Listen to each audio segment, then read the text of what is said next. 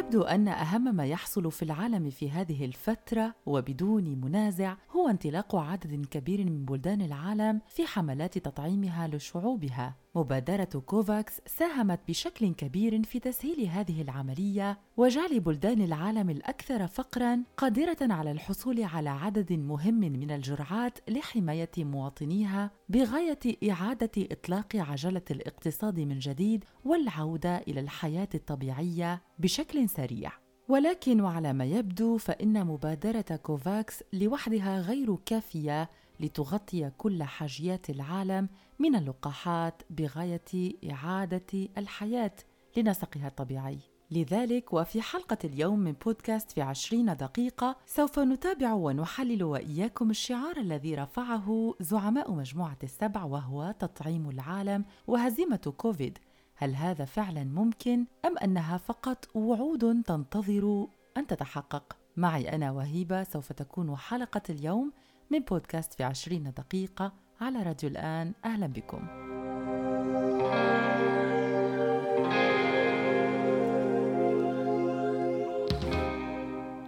طلبت مديرة منظمة الأمم المتحدة للطفولة اليونيسيف يوم الاثنين الفارط من دول مجموعة السبع التبرع بإمدادات لبرنامج كوفاكس لتقاسم اللقاحات كإجراء طارئ لمعالجة النقص الحاد الناجم عن تعطيل صادرات اللقاح الهندية وذلك وفقا لوكالة رويترز.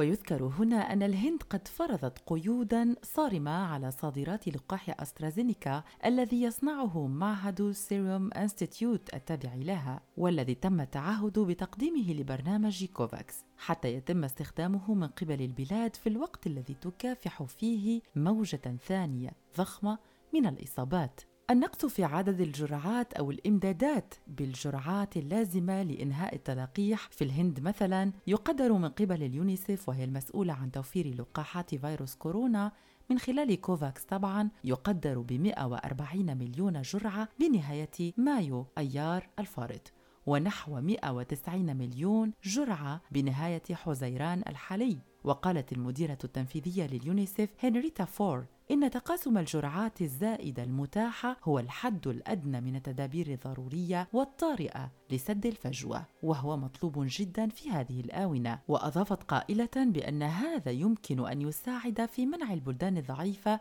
من أن تصبح النقطة الساخنة العالمية التالية لوباء كورونا إن لم تتوفر فيها الكميات اللازمة من الجرعات للاستمرار في حملة تطعيمها لسكانها. وبينما كان قادة مجموعة السبع يستعدون في الشهر الفارط لاجتماع في بريطانيا هذا الشهر ندد رئيس منظمة الصحة العالمية بالكارثة الأخلاقية بين ظفرين متمثلة طبعا في عدم المساواة في اللقاحات بين كل الدول التي خضعت لنظام كوفاكس لتعميم اللقاحات فحظ الدول الغنية أكبر بكثير من حظ الدول الفقيرة أو دول العالم النامي. رئيس منظمة الصحة العالمية حث الدول الغنية على التبرع بجرعاتها الزائدة بدلاً من استخدامها للأطفال الأقل عرضة للإصابة بأمراض خطيرة واستخدامها بدل ذلك لأشخاص في دول أخرى معرضين أكثر للإصابة بفيروس كورونا ومواجهة الموت أحياناً. ونقلا عن بحث جديد من شركة المعلومات والتحليلات العلمية Airfinity قالت فور إن دول مجموعة السبع يمكن أن تتبرع بحوالي 153 مليون جرعة إذا شاركوا فقط 20% من إمداداتهم المتاحة خلال شهر حزيران الحالي ويوليو القادم وأغسطس القادم كذلك. وأكدت دون أن تقدم تفاصيل أكثر أنه يمكن القيام بذلك مع استمرار الوفاء بالالتزامات بتطعيم سكانها. وهنا تتحدث عن مجموعة السبع ويشار هنا إلى أن برنامج كوفاكس الذي تديره منظمة الصحة العالمية وتحالف اللقاحات GAVI يعتمد بشكل كبير على لقاحات أسترازينيكا.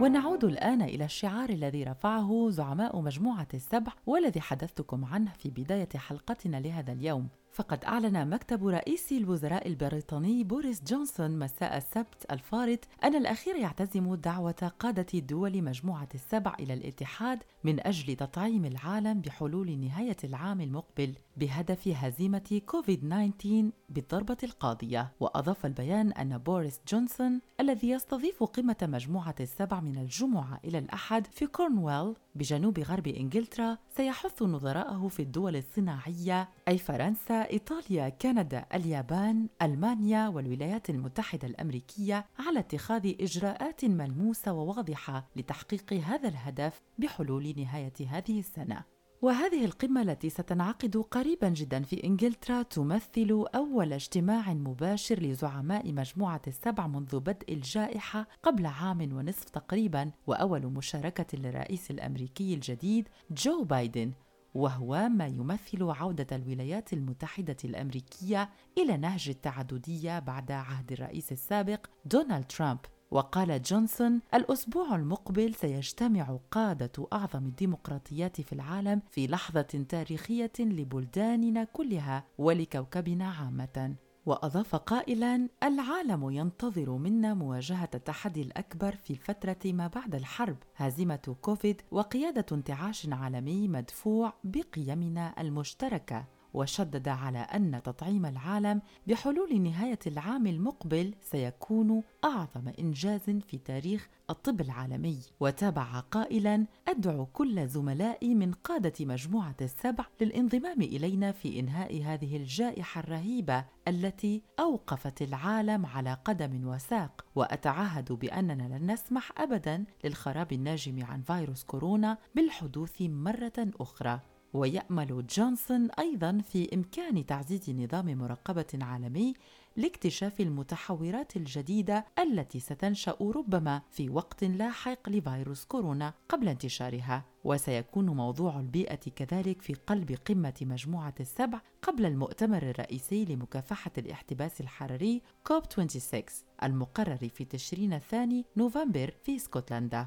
ومن جانبه قال وزير الخارجية البريطاني دومينيك راب في بيان سنتخذ إجراءات لضمان الوصول العادل إلى اللقاحات في جميع أنحاء العالم وعلى الرغم من هذه التصريحات المتتالية لبوريس جونسون وكذلك لشخصيات سياسية أخرى من بريطانيا وغيرها من بلدان مجموعة السبع إلا أن الخبراء الصحيين والاقتصاديين والسياسيين حول العالم يكادون أن يجمعوا بأن هذا الكلام هو فقط حديث شعارات لا غير لأن ما يحصل على أرض الواقع مناف تماما لما يتم الحديث عنه في الاجتماعات السياسية المختلفة حول العالم. فحملات التطعيم مستمرة على قدم وساق وبسرعة شديدة في البلدان الغنية، وهنا نتحدث طبعا عن بلدان مجموعة السبع لا غير، على عكس ما يحصل في البلدان الفقيرة والتي تعاني من انتشار سريع جدا ومخيف لفيروس كورونا في نسخته القاتلة فأعداد كبيرة جدا من المسنين وكذلك من الأشخاص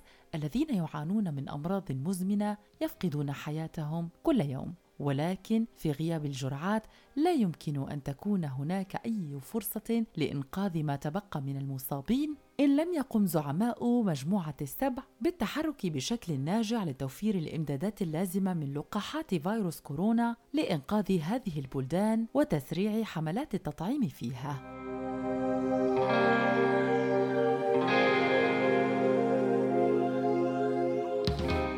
أمثال عديدة من بلدان مجموعة السبع اتسمت هذه الفترة بتراجع الإصابات فيها نظرا لتسريع عملية التطعيم وهذا أتى أكله طبعا عندما نعلم مثلا بأنه في ألمانيا على سبيل المثال نزل عدد الإصابات إلى 100 إصابة على كل 100 ألف شخص في هذا البلد. مما يبعث على الإطمئنان للمواطنين وعلى تحسين رؤية مستقبل اقتصادي واضح وناجح عن قريب سيعود ليأخذ طريقه على سكة واضحة في ألمانيا. حاليا بألمانيا اللقاحات آه، عم تتوزع بشكل تقريبا 60% أو 70% عم بيكون لقاح بايونتك فايزر اللي هو تم تطويره في شركة بايونتك الألمانية وشركة فايزر الأمريكية. طبعا ببداية الجائحة حملت عاتق آه، تصنيع كميات كبيرة من اللقاح ولكن طبعا التصميم كان ألماني. آه، بنسبة أقل تقريبا حوالي 25% أو أكثر شوي حاليا اللقاحات هي لقاح عم بيكون أسترازينيكا.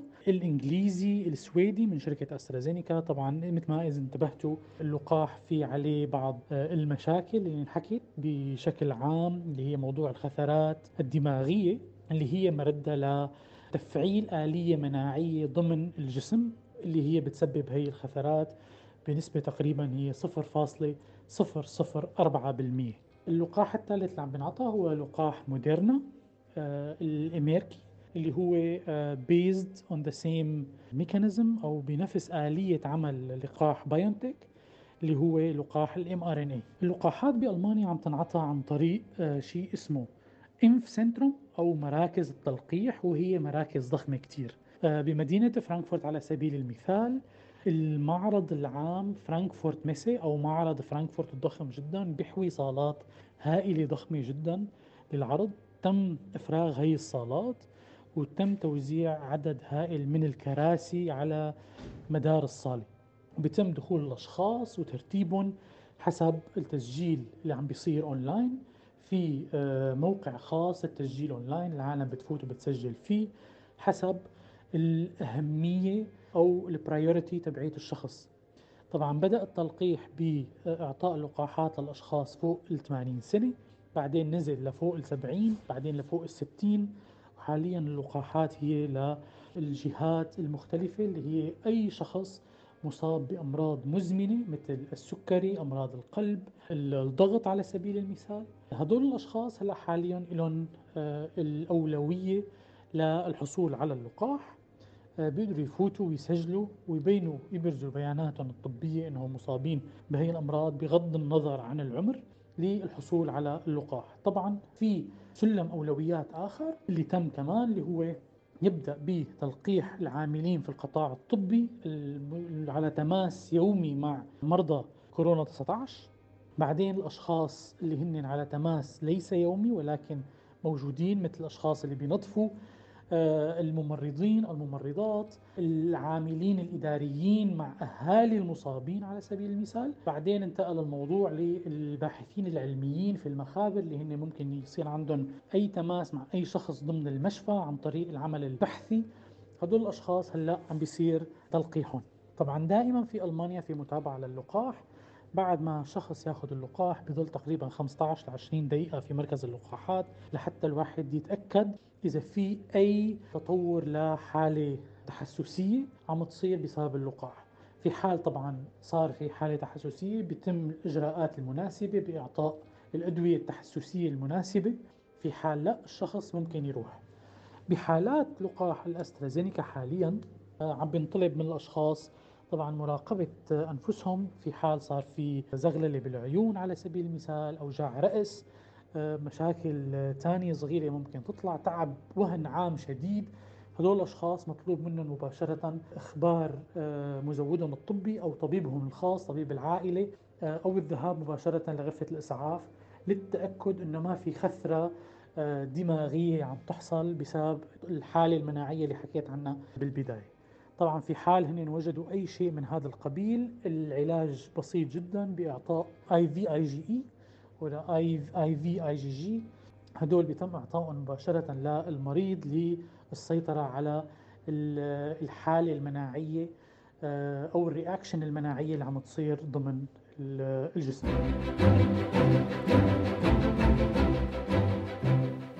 المدير العام لمنظمة الصحة العالمية تيدروس أدهانوم جيبريسوس في مؤتمر صحفي قال بأن التحدي في فعالية المبادرة الجماعية التي تم إطلاقها قبل عام تقريبا لمحاولة سد فجوة عدم المساواة في الوصول إلى اللقاحات والأدوية وغيرها من المعدات الصحية اللازمة لمكافحة كوفيد-19 والمعروفة باسم ACT Accelerator وأضاف قائلا بأن هذه الأداة تواجه فجوة تمويلية مقدارها 19 مليار دولار من 22 مليار دولار مطلوبين لهذا العام. وقال بأن منظمة الصحة العالمية قد قدرت بأنها ستحتاج إلى ما بين 35 و 45 مليار دولار إضافية العام المقبل لتلقيح معظم البالغين في العالم. وهنا دعا بشدة دول مجموعة السبع إلى دفع جزء كبير من المليارات المطلوبة لضمان الحصول العادل على لقاحات لمكافحة الوباء عبر منظومة كوفاكس. ويبدو أن دول مجموعة السبع تستطيع حشد جزء كبير من هذه الأموال وأخذ زمام المبادرة في الجهود العالمية لتسريع حملات التحصين في العالم. كذلك دعت منظمة الصحة العالمية وبشدة البلدان التي لديها لقاحات كافية إلى تقاسمها مع دول أخرى تفتقر إليها عبر آلية كوفاكس. وعلى الرغم من كل هذه الدعوات لبلدان مجموعة السبع لتوفير كميات أكبر من اللقاحات التي زادت عن حاجتها للبلدان الأكثر حاجة لها، إلا أن مبعوثا خاصا لمنظمة الصحة العالمية لشؤون مواجهة جائحة كوفيد-19 صرح البارحة الأحد قائلا بأن القضاء على فيروس كورونا عالميا ليس هدفا منطقيا بالمرة في هذه الفترة، ونقلت وكالة الأنباء البريطانية PA Media عن ديفيد نابارو وهو طبيب بالمنظمة قوله في إحدى تصريحاته الإعلامية أنه سيتعين على البشرية تعلم كيفية التعايش مع هذا الفيروس ومنعه من الانتشار ثم ارتفاع حالات الإصابة به والتسبب في وجود بؤر ساخنة للمرض. وأضاف قائلا القضاء على الفيروس ليس هدفا منطقيا حاليا بالنسبة للعالم حيث سيتعين على المواطنين أن يتمكنوا من التعايش معه بالنسبة للمستقبل القريب. وقال بأنه يجري دراسة التقارير التي تفيد بظهور سلالة نيبالية للفيروس وأكد بأنه في كل مرة تحدث زيادة مفاجئة في حالات الإصابة بالفيروس تخطر على بال المرء فكرة أنه ربما تكون هناك سلالات جديدة من فيروس كورونا. وهذا أصبح أمرا غير مفاجئ لسكان العالم. وأضاف قائلا ذلك سيكون هو النمط بالنسبة للمستقبل لأن هذا الفيروس لن يختفي في أي وقت قريب وستظهر له سلالات جديدة ربما تكون أشد فتكا بالإنسان مما عهدناه من هذا الفيروس. ونجد عددا كبيرا من مواطني بريطانيا مثلا يتقاسمون وجهات النظر مع أطبائهم. مثلما كنا نستمع فقد أظهر استطلاع للرأي أجرته صحيفة الاندبندنت البريطانية أن أغلبية كبيرة من البريطانيين يشعرون بقلق شديد تجاه اعتزام رئيس الوزراء البريطاني بوريس جونسون رفع كل القيود المفروضة لمواجهة جائحة كورونا خلال الشهر الجاري. بينما طالب رئيس الوزراء السابق توني بلير بتوفير مزايا الحاصلين على اللقاح من خلال حرية الحركة والتنقل داخليا وكذلك السفر إلى الخارج. أما الصحيفة فقد أكدت في إحصائيات أخيرة أن نسبة تصل إلى 65% ممن شملهم الاستطلاع يشعرون بالقلق الشديد تجاه إلغاء القيود بشكل عام خاصة منها قيود التباعد الاجتماعي بين الناس. بينما عبر 63 فقط بالمئة